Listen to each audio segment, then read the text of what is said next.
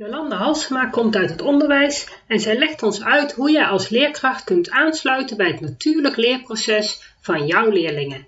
Niet vanuit een labeltje, maar vanuit de behoeftes van het kind. Zij doet dat door middel van bewegend leren, maar ook heel veel visuele, concrete materialen, waardoor uh, beelddenkers meer verwerkingstijd krijgen om tot begrip te komen van wat eigenlijk de bedoeling is van wat er geleerd wordt. Uh, op die manier sluit zij heel goed aan bij wat deze kinderen nodig hebben en um, hoe deze kinderen dus wel kunnen leren.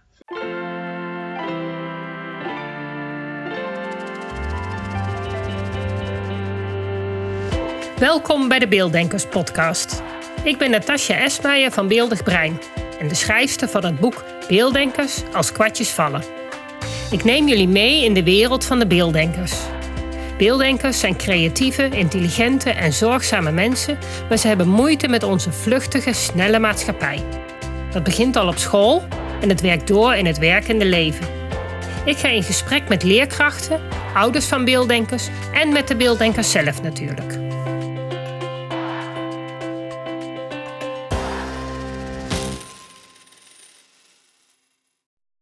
Uh, welkom allemaal bij een nieuwe Beelddenkers podcast. Vandaag ga ik in gesprek met Jolanda Halsema. Jolanda heeft gewerkt in het onderwijs en ze heeft nu haar eigen praktijk van kans naar kracht. En ze gaat daar alles om voor vertellen over hoe je als leerkracht uh, kinderen beter kunt begeleiden en kunt ontdekken ja, wat hun kracht is. Jolanda, kun jij je nog even kort voorstellen en vertellen wat, uh, wat jouw ervaringen zijn met het beelddenken in het onderwijs? Dat is helemaal goed. Nou ja, goed, ik ben dus Jolanda Halsema van Vakantie naar Kracht. En uh, ik heb jaren in het onderwijs gezeten, in het basisonderwijs, eigenlijk groep 1 tot en met 7 wel. En uh, wat ik steeds merk is dat je de kinderen, wanneer je ze talig met beeld ondersteunt, ook op het schoolbord, dat het voor kinderen makkelijker is te begrijpen wat jij uh, te zeggen hebt. En ja, wat ik eigenlijk steeds meer merkte, is dat er veel zorgbehoefte was voor kinderen en daar ben ik me dan ook verder in gaan verdiepen. Um, ik ben de remedial teach opleiding gaan doen. Om uh, ja, meer te kijken van hey, hoe kan ik bijdragen aan de zorgbehoeften van leerlingen. Maar ik merkte daarbij ook dat ik nog altijd wel een stukje miste. En op advies van een collega van mij ben ik toen psychomotoriek gaan doen, remedial teaching en psychomotoriek. Waarbij ik eigenlijk bevestiging kreeg van wat ik al die tijd al heb gezien is hoe de ontwikkeling van een kind eigenlijk de basis is om tot leren te kunnen komen. En uh, nou, daarin ben ik me eigenlijk steeds meer gaan verdiepen, en kwam ik erachter wat het effect van bewegend leren is om kinderen te kunnen laten leren. En um, ja, van daaruit is eigenlijk ook mijn eigen praktijk ontstaan, omdat ik ook merkte dat er steeds meer kinderen thuis komen te zitten, allemaal kinderen die anders leren dan wordt aangeboden in het regulier onderwijs. Toen dacht ik van nou, daar wil ik eigenlijk aan bijdragen. En vandaar dus mijn praktijk van kans naar kracht. Dus dat kinderen die uitvallen toch een kans krijgen om weer in hun kracht te komen staan. Oh, nou, dat vind ik een hele mooie uh, visie. Dankjewel. Um, ik heb gelijk een vraag. Want jij zegt van um, wat jij in het onderwijs merkt, het zijn er twee, dan gaan we, over die twee gaan we het zo ook hebben. Um, het ondersteunen van beeld um, uh, als jij iets aan het vertellen was. Vond jij dat dat afdoende was? Um, en wat, hoe, hoe, bedoelde je hoe bedoel je dat? Hoe voer jij dat uit, uh, ondersteunen met beeld? Ja, ik vind dat er heel veel cognitief van kinderen gevraagd wordt. Wat ik altijd al deed, is meeschrijven op het bord. Eerder nog een krijtbord waar ik een groot voorstander van was, omdat je dat kon laten staan. Tegenwoordig heb je een whiteboard, wat jij schrijft is weg. En dat vind ik eigenlijk best wel een gemis. Maar ik schreef altijd mee wat ik bedoelde. Dus de kinderen konden zien wat ik van ze vroeg. En achteraf gezien was ik me toen nog niet zo bewust van, heeft dat die kinderen altijd ondersteund?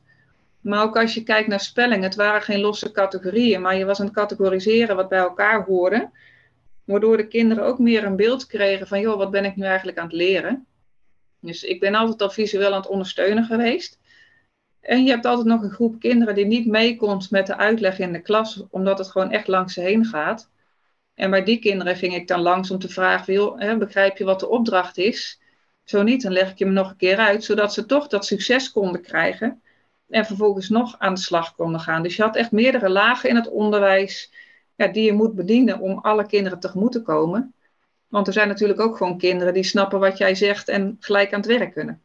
Ja, nee, daar heb je helemaal gelijk in. Maar, ehm, ik neem aan dat je inmiddels, uh, dat was natuurlijk een hele tijd geleden, inmiddels heb je meer kennis van het beelddenken. Uh, want beelddenken hebben natuurlijk uh, meer nodig dan een visuele ondersteuning. Het gaat meer om het begrijpen. hoe zou je dat nu aanpakken? Stel dat je nu voor de klas zou staan, hoe zou, hoe zou jij dat dan nog um, anders doen? Nou ja, wat een kind sowieso nodig heeft, en ongemerkt heb ik dat altijd al gedaan, dat je van tevoren aangeeft waar je mee bezig bent. Want deze groep die mist eigenlijk het top-down leren. Je krijgt, als je ook kijkt via Snapchat, je krijgt nu allemaal losse doelen aangereikt. Waardoor de kinderen geen weet meer hebben waar ze mee bezig zijn. Ik zou echt heel duidelijk zeggen van joh, we zijn hiermee bezig. En dan de stappen gaan zetten wat je nodig hebt om dat, tot dat doel te gaan komen. Want uh, wat je heel duidelijk merkt is dat deze doelgroep stappenplannen nodig heeft om tot leren te kunnen komen. En als ze eenmaal weten wat er van ze gevraagd wordt, dan gaan ze wel. Ja, maar wat voor stappenplannen bedoel je dan? Want uh, ik ben al juist aan het zeggen van dat een stappenplan niet werkt voor een beelddenker, omdat hij eerst moet weten, nou ja, vanuit moet gaan waar het stappenplan heen gaat en dan pas terug kan. Ja. Dus dat is wel wat jij eigenlijk eerst doet. Jij schetst eerst van, nou ja, jongens, dit gaan we leren en dan pas zo gaan we ja. bereiken. Ja. Nou ja, je ziet het heel duidelijk met begrijpend lezen. Kinderen hebben vaak geen weet van hoe ze een tekst aan moeten pakken met begrijpend lezen. En uh, wat ik aan de hand van een stappenplan doe, is dat ik kinderen bewust maak hoe een tekst is opgebouwd, bijvoorbeeld. Door alleen al eens te kijken naar een titel en naar het plaatje en de voorkennis te activeren. En dan in kleine, hapklare brokjes met zo'n tekst aan de slag te gaan. En gewoon eens een tekst te samenvatten van joh, over wie gaat het nou? Wat wordt daarover gezegd? En uh, waar speelt het zich af? En dan ook delen te gaan arceren in die tekst. En juist de beelddenkers die normaal gesproken over hele delen heen zouden lezen in zo'n tekst, zie je nu heel gericht naar die tekst teruggaan. En als we dan later de vragen gaan lezen, zeggen ze: Oh, maar nou weet ik het, want het staat daar in de tekst. Terwijl als je alleen maar, wat je veel ziet, digitaal teksten gaat lezen, de kinderen lezen over alle belangrijke woorden heen. Ze vullen het volledig in hun eigen beelden, vullen ze het op. En dan komt er een vraag en dan krijg je het antwoord van de kinderen. Oh, ik denk dat het dat antwoord is. Zonder dat ze het besef hebben van, oh, ik ben met een tekst bezig. En uh, eigenlijk heb ik al heel veel kinderen daarmee mogen helpen door woorden en tekstdelen aan te strepen, te arceren, om zich bewust te worden van die tekst. Dus dat is eigenlijk op dat gebied. En uh, ja, met rekenen zet ik heel veel met bewegend leren en kruislinks bewegen om beide hersenhelften te activeren. Daar zijn hele mooie spelletjes voor die je kunt doen. En uh, daar zie je kinderen gewoon echt op aangaan. Want wat je vaak ziet is dat beelddenkers toch te veel in hun hoofd komen te zitten. En door die bewegingen te doen, komen ze weer in hun lijf. Maar het kan ook gewoon het, ja, heel eenvoudig het mappen zijn van antwoorden van een tafel op de grond. De tafels gaan lopen.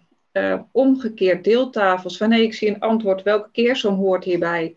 er is zoveel variatie mogelijk eigenlijk om het plezier weer terug te krijgen in het leren. Want dat ja, vind ik echt het allerbelangrijkste. Klopt, dat heb ik ook jaren gedaan. Had ik zo'n groepje uh, rekenbrein, noemde ik dat dan. En dan gingen we inderdaad bewegend leren met de tafels, ook tafels mappen. En dan zie je inderdaad dat door het plezier ze ook uh, de, de de rust weer hebben om wel ook naar die tafels te gaan kijken van hoe die in elkaar zitten. En dan hebben ze wel weer de moed om daar toch mee aan de gang te gaan. Ja, klopt. Ja, en je hoort het ook heel veel van ouders terug, want ik heb kinderen gehad die lopen dan helemaal vast met automatiseren. En na een paar weken hebben zij zoiets van, joh, wat is hier gebeurd? Van ze vindt het nu leuk en ze doet het. Ik zeg, ja, ja. daar doe ik het voor. Vind ik ja, fantastisch. maar dat is inderdaad wel wat, wat heel helpend is. Ja, die, die druk eraf halen van, oh, je moet automatiseren. En, en gewoon mee aan de gang gaan, zodat ze ook doorhebben wat ze aan het doen zijn. Want heel vaak hebben kinderen helemaal, die, die, die, die, wat, wat mijn ervaring is, is dat die rekenbewerkingen niet altijd begrepen worden. Ze, ze weten soms niet eens wat keer is. Dat hebben ze niet meegekregen. Nee, dat niet inderdaad. En ook als je kijkt naar de contextsommen, eigenlijk loop je tegen hetzelfde aan wat je met begrijpend lezen ziet. Zij lezen over woorden heen. Zij hebben niet het besef dat wat ze aan het lezen is, dat het een relatie heeft met wat ze eerder geleerd hebben. Dus ook daarin strepen wij de cijfers aan die we tegenkomen. Zoeken we woorden op die de bewerking eigenlijk laten mhm. zien. En dan gaan we daarover hebben van, joh, wat moet je dus doen bij deze som? Dus in hele kleine stapjes leer je deze kinderen leren. Ja. Dus ja, en dat is heel mooi om ze dan te zien glunderen, dat ze doorkrijgen wat ze moeten doen. Ja, ik vind het echt fantastisch. Ja, ja en als ze dat eenmaal begrepen hebben, ja, dan kunnen ze het zelf weer vaak. Ja, ja klopt. Het is vaak de bewustwording van hoe zij zelf leren en hoe ze het kunnen aanpakken. Ja, ja dat is de grootste ja, leerbehoefte eigenlijk, zorgbehoefte van ze. Ja. ja. en wat ik nu ook zie, ik heb dan een eigen leermat gemaakt, een alfabetmat. Want door de opleidingen die ik heb gedaan, merk je ook dat deze kinderen vaak losse letters niet kunnen onthouden. Maar door ze in een alfabet te plaatsen, dat ze meer ook een beeld krijgen van hé, hey, wat ben ik nou eigenlijk aan het leren? En ook dat ze weten van dat een klank meerdere uh, uitspraken kan hebben, zoals de A en de A. Want anders raken ze ook in de war. Dan zeggen ze, ja, we hebben nu dit geleerd, maar nu vraag jij dit van mij en wat bedoel je nou nog? En als je nou kijkt naar bewegend leren, ze mogen op die mat dus woorden springen, van voor naar achter. En soms daag ik ze ook uit van achter naar voor. Maar ze weten ook heel goed wat ze al kunnen, doordat ze een overzicht hebben welke letters er allemaal zijn. Ja. Dus kinderen die vragen ook van mogen we weer op die mat, want het is zo leuk. En mogen we springen, mogen we mappen, ja, en ze verzinnen van alles. En ik heb één meisje gehad die zegt, nou weet ik tenminste wat korte en lange klanken zijn, want ik wist helemaal niet wat dat was. Dus die kon helemaal niet tot spelling komen, doordat ze geen beeld had wat korte en lange klanken waren en waar die dan ergens in het alfabet zaten. Ja. Dus ja, dat was een hele mooie openbaring eigenlijk. Ja, ja maar dat, dat zijn inderdaad dingen die ik ook. En dat is het grappige, dat de ene beelddenker heeft dan inderdaad. Die, die, die ziet die korte of lange klanken niet in zijn hoofd. En een andere die zit weer met uh, het lenen bij de buren, wat hij zoiets heeft van ja, maar lenen bij de buren, uh, wanneer gaan we het dan terugbrengen? We hebben allemaal weer van die andere dingetjes waarvan, waardoor je dus inderdaad als, als, denk ik, als leerkracht daar ook creatief mee om moet gaan. Ja, want dat zie je nu ook. Ik heb dan gelukkig mee mogen werken aan de zomerschool de afgelopen dagen. En ook daarin zie je de verschillende behoeftes van de kinderen. En ja, door te luisteren naar wat een kind jou vertelt eigenlijk en daarnaar te handelen, ja, zie je het kind er weer opbloeien van hé, hey, ik word gezien, ik word gehoord, waardoor ze tot leren blijven komen. En ik denk dat daar wel de kracht ligt als leerkracht, dat je dingen mag los durven laten en leren laten. En juist door spel, dat je dan makkelijker tot de kerndoelen komt, dan wanneer je echt gewoon de methode alleen maar blijft volgen. Ja. Die is heel mooi als leidraad. En vooral niet helemaal loslaten natuurlijk. Maar durf andere spelvormen in te zetten om kinderen tot leren te krijgen. Ja, ik denk ook dat het belangrijk is dat je die methode, net zoals jij zegt, als een leidraad houdt, maar dat je ook er doorheen durft te springen. Dus als een hondje er doorheen durft te gaan. Ja, en kijk hoeveel doelen je kinderen aanbiedt. Want soms zitten er vijf doelen in een les verstopt ja, hebben kinderen nog notie waar ze mee bezig zijn? Of durf jij dat een hapklare brokken te geven, dat je zeker weet van hé, hey, nu beheersen ze dit doel, nu kunnen we door naar een volgende. Ja, nou ja, wat ik bij beelddenkers vaak zie, is dat je uh, echt um, eigenlijk halverwege, oh ja, al, al, een heel stuk verder moet beginnen. Ik begin bijvoorbeeld in groep 3 al met uh, sommen onder elkaar zetten. Ja. En dat mag je eigenlijk pas ergens in groep 6, krijg je dat in sommige methodes, krijgen ze dat pas in groep 6. En dan gaan ze het ook nog eens een keer andersom doen, voordat ze het uiteindelijk op de juiste manier, of tenminste de meest handige manier gaan doen. Terwijl als je dat gelijk al zorgt dat ze snappen wat ze aan het doen zijn met rekenen, en het dan ook visueel maakt door het ook in het daadwerkelijk in uh, blokjes, eh, tientallen, honderdtallen, dan, dan zien ze wat ze aan het doen zijn. Ja. En als ze onder elkaar kunnen rekenen, daarna kunnen ze pas achter elkaar rekenen. Ja. En, ja, dat klopt. Ja. ja. En die, die kleine sommetjes, die ze dus eigenlijk moeten automatiseren, ja, die komen vanzelf. Als ze onder elkaar moeten gaan rekenen, dan gaat dat vanzelf dat ze, die, dat ze merken dat ze die nodig hebben. En als ze die nodig hebben, en als ze het splitsen nodig hebben, ja, dan willen ze wel weer leren hoe ze dat moeten doen. Ja, want wat ik heel veel vaak ook zie bij de begeleiding, is dat kinderen geen notie hebben dat wat ze in groep 3 hebben geleerd, dat ze dat toepassen in groep 4. Ja. En als je dat dan weer terugpakt, ik heb ook zo'n 100 veldmat. En dan laat ik ze dus ook weer zien, dat is ook weer het zichtbaar maken, wat stappen van 10 zijn, wat gebeurt er eigenlijk met het getalbeeld. En dat kinderen echt zeggen van, oh, maar nou snap ik het. Ja, ja weet je wat ook een hele leuke is? Ik heb van die kale vakjes en daar zet ik één getal in.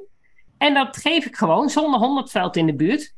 En dan zeg ik van nou, laten we eens we- zeg maar eens, wat staat er nou in die andere vakjes? Als dit een 100 veld zou zijn, dan moeten ze dus ook bewust gaan nadenken. Oh ja, als ik één stapje naar beneden doe, dan komen er tien bij.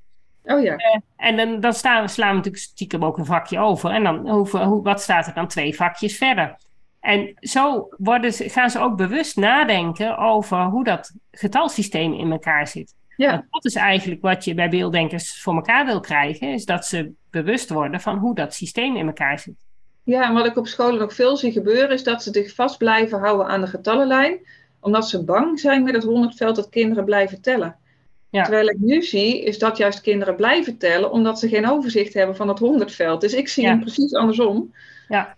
Maar goed, er zijn Ja, en dat is, dat is per doelgroep verschillend. Ja. Tuurlijk, je, ik denk ook niet dat je alle beelddenkers met dat honderdveld kunt laten rekenen. Oh nee, zeker niet. Het is per kind eh, wel anders. En eh, een, beelddenker, de ene beelddenker is de andere niet. Maar dat geldt Nee. met taaldenkers precies zo. Alleen die passen gewoon wat beter in dat standaard systeem. Die Klopt. hebben die herhaling nodig, die hebben gewoon eh, die automatiseren. Dus die, dat, ja, dat, dat is een heel ander proces. En dat, Ja. dat proces wordt heel goed gefaciliteerd. Voor sommige kinderen gaat het te langzaam, voor anderen misschien te snel. Daar kun je in differentiëren. Maar voor de beelddenkers heeft dat differentiëren niet zoveel zin. Nee, die moeten het zien, die moeten weten wat ze moeten doen. En dan gaan ze. Ja, daarom. En dan moet je dus soms even investeren en daarna kunnen ze weer een tijd. Dat klopt helemaal. Ja. Ehm, even kijken, waar hebben we het eh, allemaal over gehad? Wat, wat, ehm, want jij bent, eh, je hebt ook een tijdje remedial teaching gedaan. Mhm. Ehm, zag je dat dat voornamelijk eh, beelddenkers zijn of de- merk je dat daar ook taaldenkers zitten die, die ehm, Nou, allebei wel. Ik had echt daar verschillende doelgroepen. En dat was meer ook in samenwerking met Auris. En dus die doelgroep die lag heel anders. Alleen wat ik daar wel zag, ehm, ik had daar bijvoorbeeld een jongen met TOS. En die kwam moeilijk tot leren. En ook daar ben ik eigenlijk de beelddenkmanier toch wel in gaan zetten.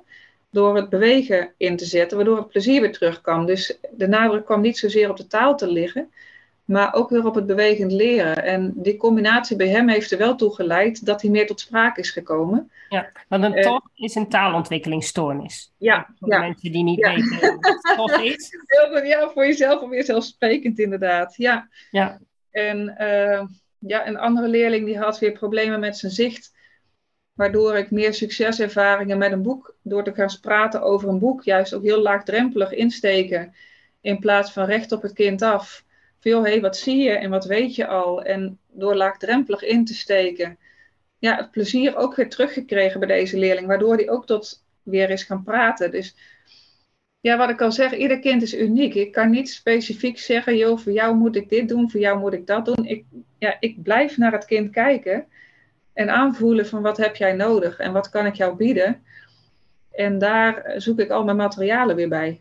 Ja. En ondertussen heb ik zoveel kennis opgedaan dat ik van alles in huis heb wat ik in kan zetten. Dus ja, En toen jij zelf als leerkracht voor de klas stond, hoe, hoe ging dat? Want je bent natuurlijk zelf ook een beelddenker, eh Ja. gevoelig.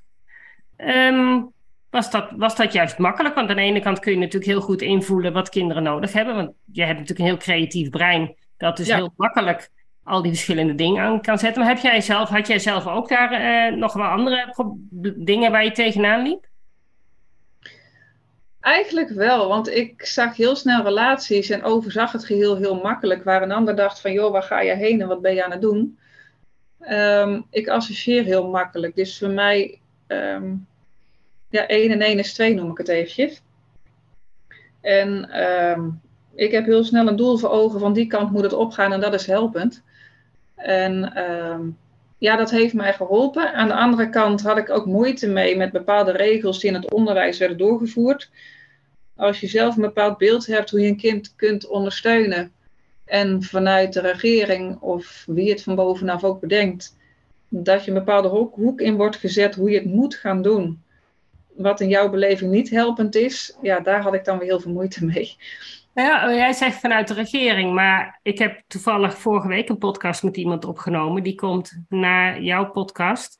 Hm. Eh, dus die gaan mensen nog horen. ehm, die zei juist, de regering heeft bij eigenlijk best wel hele ehm, open regels. Er zijn een aantal uh, ja, ja, eisen waar je als onderwijs aan moet voldoen. Maar mhm. hoe je dat invult, dat is eigenlijk aan de scholen zelf. Dus ik denk dat je qua ehm, laag, qua hoe het onderwijssysteem in elkaar zit, mhm. nog een laag lager moet kijken. Ik weet niet precies waar. Ik heb geen idee hoe het helemaal in elkaar zit. Ja, natuurlijk de rekenmethodes, maar ook uh, het hele leerlingvolgsysteem ja. gaat nergens dat je dat moet doen. Nee, en toch als je binnen onderwijsland krijgt, het, het lijkt een soort houvast te zijn geworden om een, uh, ja, een meetinstrument te hebben om te kijken waar kinderen staan.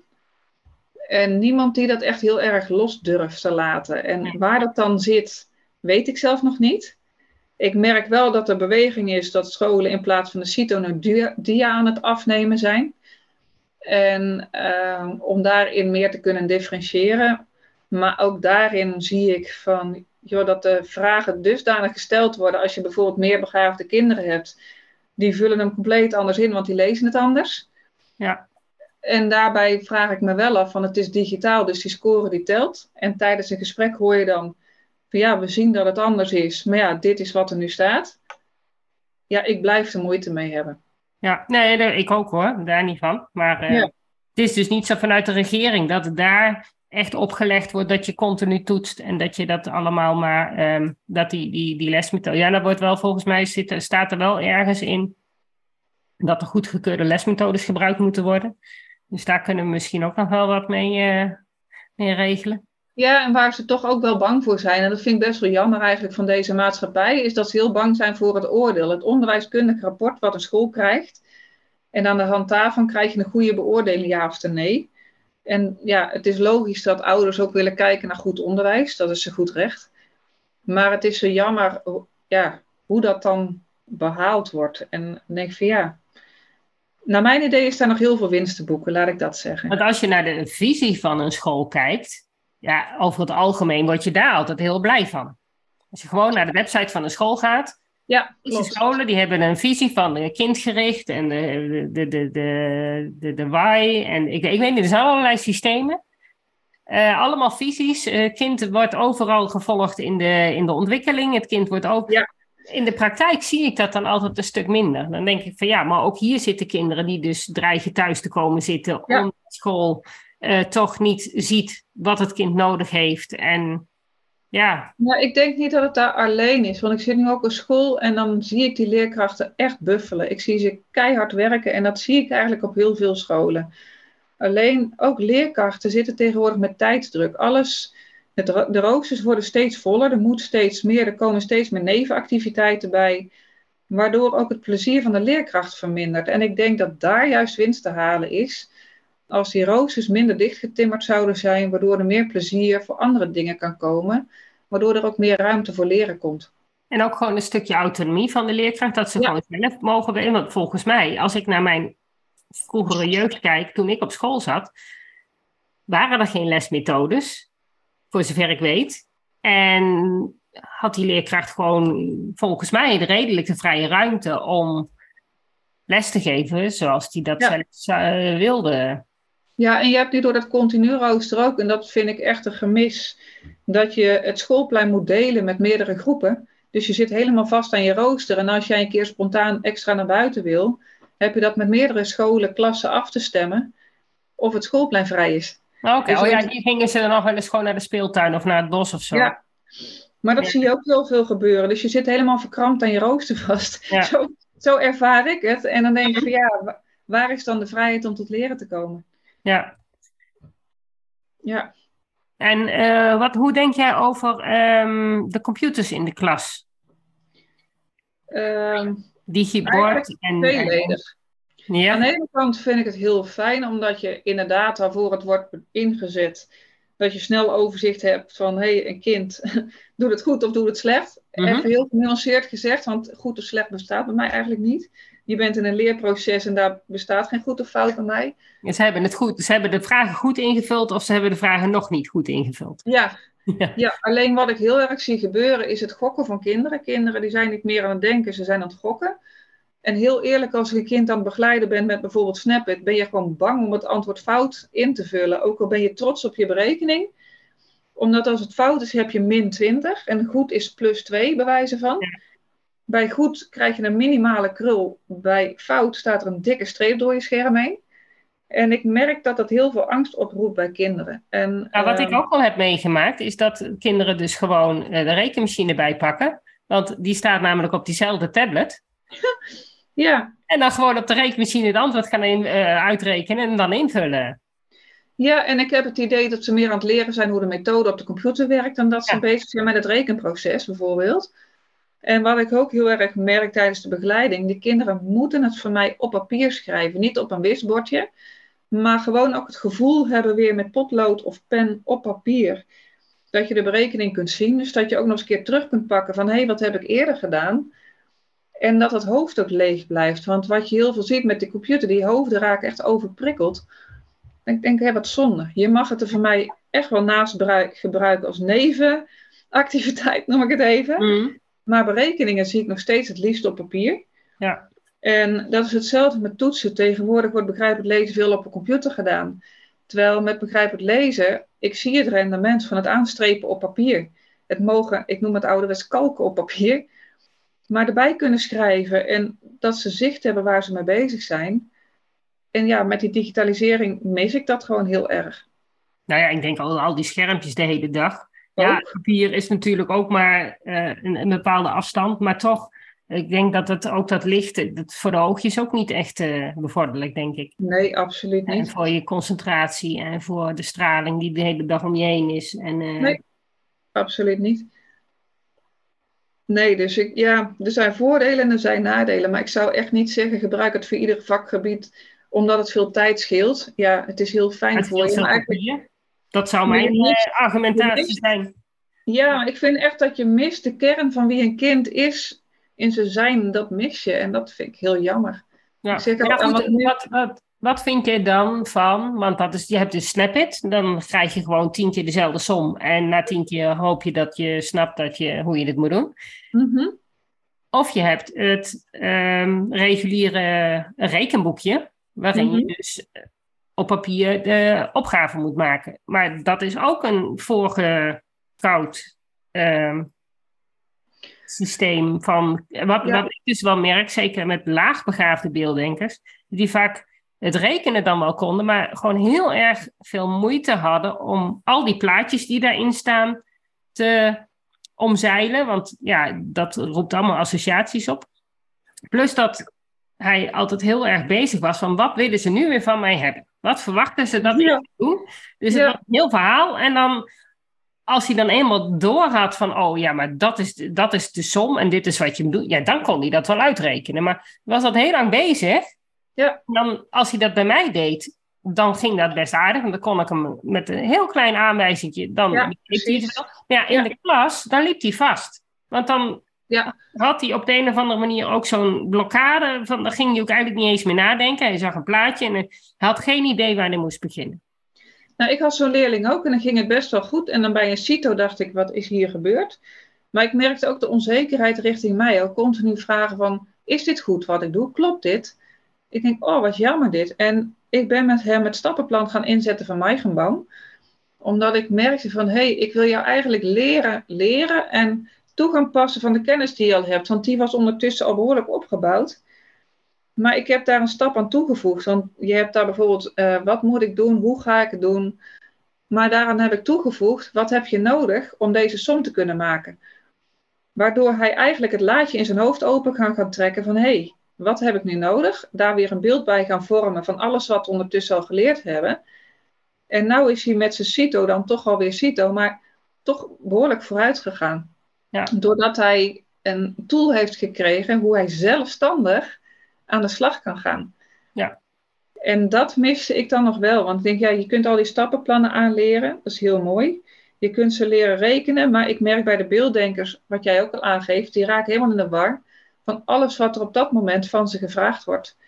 En door dan nog een extra tool aan te reiken, zoals in dit geval Meigenbaum, en daar zijn er wel meerdere van, is dat ze heel doelgericht bezig gaan, weer met de opdracht. Dus weer die focus trekken naar de som. Mhm. En daardoor heel doelgericht bezig gaan met waar ze mee bezig zijn. Ja. Maar is het dan niet, want wat, wat zijn we aan het doen met rekenen? Dan moet je eigenlijk leren rekenen, toch? Ja. Het, het, is soms ook wel een beetje heel erg verpakt. Al moet ik zeggen dat er ook heel veel rekenmethodes wel ehm, best heel duidelijk zijn. En het op die manier, juist doordat ze het in een, in een, in een tekeningetje zetten, duidelijk maken waar, wanneer je het gebruikt en waar je het voor gebruikt. Ze zitten ook best wel goede dingen in die rekenmethodes. Ja, zeker wel. En er komen ook steeds meer stappenplannen. Als je kijkt naar getal en ruimte, die heeft dus tegenwoordig echt hele mooie stappenplannen erin zitten. Die voor de meeste kinderen wel toepasbaar zijn. Alleen wat je ziet bij een CITO, dan moeten ze ineens zelf doen. Dus dan staan los van de methode en moeten ze gaan toepassen wat ze dus allemaal geleerd hebben. En daar zie je het dan af en toe scheef lopen, dat ze denken, ja, maar wat heb ik allemaal geleerd? En door ze daar wel in te trainen van, hey, hoe kun je nou uh, hetgeen wat je geleerd hebt hier toepassen? ja, dan groeit het zelfvertrouwen weer en dan kunnen ze het meer zonder hulp. Ja, wat, eh, hoe sta jij daarin? Want ik had hier laatst een, een, uh, een ouder en die zei van, goh, laatste keer met de CITO-toets mocht mijn dochter, die mag dan in de klas, mag ze tijdens het rekenen gewoon visueel materiaal erbij gebruiken. Heeft ook een TOS, heeft daardoor ook moeite met het, met het begrip van het rekenen. Nou, met het mhm. visuele gaat het goed, maar met de CITO-toets mocht ze dat niet gebruiken. Ja, dan gaat het dus niet. Dan kun je die, dan kun je die toets gewoon net zo goed in de prullenbak gooien. En net zo goed niet afnemen, want ja. dan kan ze het niet laten zien. Nee, ja, heel simpel. Hij mocht dus niet. Want nee, ja, nee. een kind zet je ook de bril niet af, toch? Als het. Uh, ja, echt. Ja. Ja. Ja. Ik sta daar niet achter, achter die visie, maar dat hoor je al wel aan mij, denk ik. Ja. Ik vind dat een heel groot gemis, want je ontneemt de kind zijn kans om te groeien. Ja. En te laten zien het is niet zo dat hij over drie jaar nog steeds met dat met dit visuele materiaal aan de gang. Dus nou ja, als het nodig is, oké, maar liever niet natuurlijk. Ja. Maar ja. Maar ja, dat is hetzelfde, de angst om beeldend materiaal in te zetten, omdat ze bang zijn dat kinderen daaraan vast blijven hangen. Dan denk ik ook van ja. Ja, maar je moet het ook wel goed inzetten natuurlijk. Het is niet zo alleen maar van, oh, laten we het zien met blokjes. Maar je moet wel uitleggen wat die blokjes inhouden en hoe je daar ja. gekomen bent. En wat ik heel veel doe met de vingers rekenen, echt dat uh, voelen echt mee, echt mee bezig zijn, ja, dat, dat, dat werkt veel beter dan alleen maar blokjes. Ja, absoluut. Op een gegeven moment, als je met hele grote getallen, dan is het wel makkelijk om dan wel de blokjes te gebruiken, want dan zien ze dat hele getal. Maar... maar er wordt echt angstvallig over gedacht van, oh, dan blijven ze daaraan hangen en dan komt het automatiseren niet op gang. Dan nee, zeg dat gaat toch niet op gang zien. Het automatiseren komt op gang als ze snappen wat ze aan het doen zijn. Ik zie je ja. omdenken. Ja. ja. Ja, dus daar is ook nog wel winst te boeken. ja, zeker. Maar goed, dat is ook een, een, stukje kennisoverdracht naar leerkrachten. Want ja, weet je, als je dat op school niet geleerd hebt en je moet het zelf maar verzinnen, is het natuurlijk lastig. Um, uh, dus dat is ook iets wat, wat leerkrachten natuurlijk kunnen gaan leren. Oh, absoluut, ja. Maar ja, dat is dan onze taak om te zorgen dat, dat, dat die kennis uh, verspreid kan gaan worden. En ja, daarom wil ik ook zelf wel vanuit mijn eigen bedrijf lezingen gaan geven. Gewoon kleinschalig. Voor ouders en leerkrachten die hier meer over willen weten. Want het zijn vaak kleine handvaten die er nodig zijn om het onderwijs ja, omhoog te krijgen, kwalitatief. En denk, ja, daar wil ik graag aan bijdragen, zeg. Maar ik hoef echt niet alles zelf te doen. Ik wil juist die olievlek uit laten breiden, zodat steeds meer kennis binnen scholen komt te liggen. Ja. En dat ze gaan zien van, oh, het lijkt heel veel wat ik moet doen. Maar ook al zijn het spelletjes van vijf minuten bij wijze van, om ook even dat brein tot rust te brengen. Ja, daar ga je ook al heel veel meer mee bereiken. En wat je ook heel veel hoort, ja, jij in kleine groepjes kan dit, maar ik in een klas van 30 niet. Ik zei, nou ja, goed, ik zal je een spel laten zien wat je met de hele klas kan doen. En dat is nog leuk voor iedereen ook. Zet het vooral in. Ja. En dan krijg je ook vaak van, oh, maar dat wist ik niet. Ik zei, nee, ja, nee maar en sowieso dat hele top-down integreren in het standaard lesprogramma is helemaal niet zo moeilijk. Het is niet zo dat je het helemaal om moet gooien. Je moet alleen uh, hier en daar af en toe eens wat extra uh, ja, uh, informatie erbij geven. Maar dat hoeft helemaal niet uren te duren. Dat, dat nee, kan in twee minuten of soms in vijf minuten. Maar dat ja. hoef je niet elke keer te herhalen. Als je dat één keer uitgebreid doet, dan kun je daar steeds op terugvallen. Dus En dan zorg je wel dat die beelddenkers ook gewoon mee kunnen. Ja, en eigenlijk moet je een beetje durven loslaten dat het altijd maar via dat hele, precies dat strakke schema moet. Ja, dan, dan kom je al een eind. Nee, ja, via de PABO leer je dan altijd een stappenplan. Maar als je de beginsituatie niet neerzet, dan kun je je les net zo goed opvegen eigenlijk. Ja, en ja, daarom, dat is jammer. Uh, dat het, ja, maar die beginsituatie, dat is juist mooi. Van joh, eigenlijk de kennis activeren van wat weet je er al over. En nou, dan ga je dus uiteenzetten van oké, we gaan dit nu doen vandaag. Hoe gaan we dat doen? Ja, en sommigen die pikken dat meteen op en die zeg je de volgende les, joh, ga aan de gang, want jij weet het al. De ander pik je nog even mee. Van joh, weet je nog? Nou, zus en zo, oké, jij snapt het ook. Nou, en dan heb je nog een lagere tak, ja, die moet je aan de hand nemen. En dan ga je het inderdaad wat meer mee inoefenen. Maar daar kun je heel makkelijk in differentiëren. Ja, nou, en het voordeel is ook dat je dus heel veel kinderen met een rugzakje, kinderen met ADHD, kinderen met autisme. Nou, autisme, dat kan.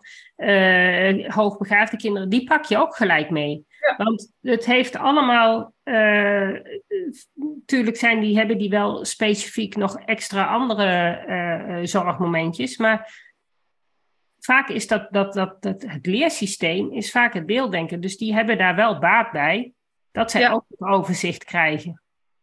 Ja, en waar ik steeds meer moeite mee krijg bij deze kinderen, zie je ook gedragsmatig uitingen eigenlijk een hele grote hulpvraag. En waar ik eigenlijk steeds meer moeite mee krijg, is dat er de nadruk op het gedrag van deze kinderen wordt gelegd. En waar ik zelf een groot voorstander van ben, is kijk achter het gedrag. Wat heeft dit kind mij te vertellen? En als je daar durft te komen, dus achter het gedrag durft te kijken, dan zul je zien wat voor mooie kinderen dit zijn en tot bloei komen door de manier van leren zoals we net besproken hebben. Ja. En dan zul je zien dat het gedrag ook vermindert. Ja, ja zeker. Ja, Als er leerkrachten zijn die luisteren en die willen het weten, onze kernopleiding beelddenken, die doet eigenlijk alles wat jij nu verteld hebt, zit daar allemaal in. Van het beelddenken, taaldenken, hoe, hoe hoe anders gaat dat denkproces naar de hooggevoeligheid, hoogbegaafdheid, al die neurodiversiteit. Hoe doe je de taal? Hoe doe je de, het rekenen? Hoe ga je voor de klas dat allemaal uh, implementeren? Zit allemaal in die kernopleiding. Dus uh, nou ja, mocht jij nog meer willen weten, ben je ook welkom natuurlijk. Maar ja, nou, ik sluit de kamer. Misschien kan ik er ook nog een deel aan bijdragen, weet je. Want dit is wel mijn missie, merk ik. Want ik schrik er wel van hoeveel thuiszitters er momenteel zijn. Ik vind het echt schrikbarend. Terwijl als ik ook kijk, kinderen die bij mij komen en nou ja, eigenlijk op het puntje van uitvallen zitten. En als je dan ziet waar de kern eigenlijk ligt, de onzekerheid die is gegroeid bij deze kinderen, ontiegelijke faalangst, doordat ze niet hebben geleerd wie ben ik, hoe leer ik en wat kan ik. Dus mijn insteek is altijd te beginnen met de talenten. Waar ben jij goed in? Hoe zet je ze al in? Dat is mijn basis van de hulp die ik bied. En van daaruit ga ik kijken hoe leer jij, wat heb jij nodig om tot leren te komen.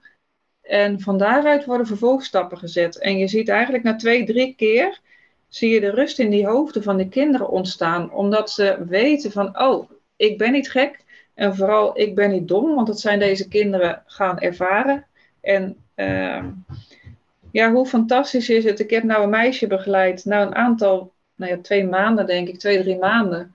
En als je die hebt zien groeien van een heel faalangstig meisje naar een meisje dat ja, gewoon verder kon komen, dan denk oh, dit is toch hartstikke mooi. Ja, en heb je vaak heel weinig voor nodig. Ja, zeker. En waar zit jij in het land? Uh, ik zit in het midden van het land. Dus meer in de, in de regio Utrecht. Utrecht. Nou, het is handig als ik een keer mensen heb, die eh, kunnen we doorsturen.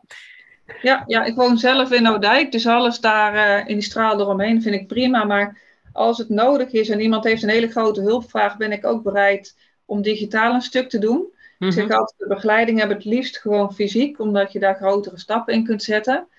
Maar ik heb ook gemerkt als ik op afstand die tools aanreik, dat er thuis ook mee aan de slag gegaan kan worden. Dus ja, ja daar sta ik ook voor open. Nee, klopt. Ja. Nou ja, heb jij verder nog iets wat jij kwijt wil? Heb je nog een laatste tip?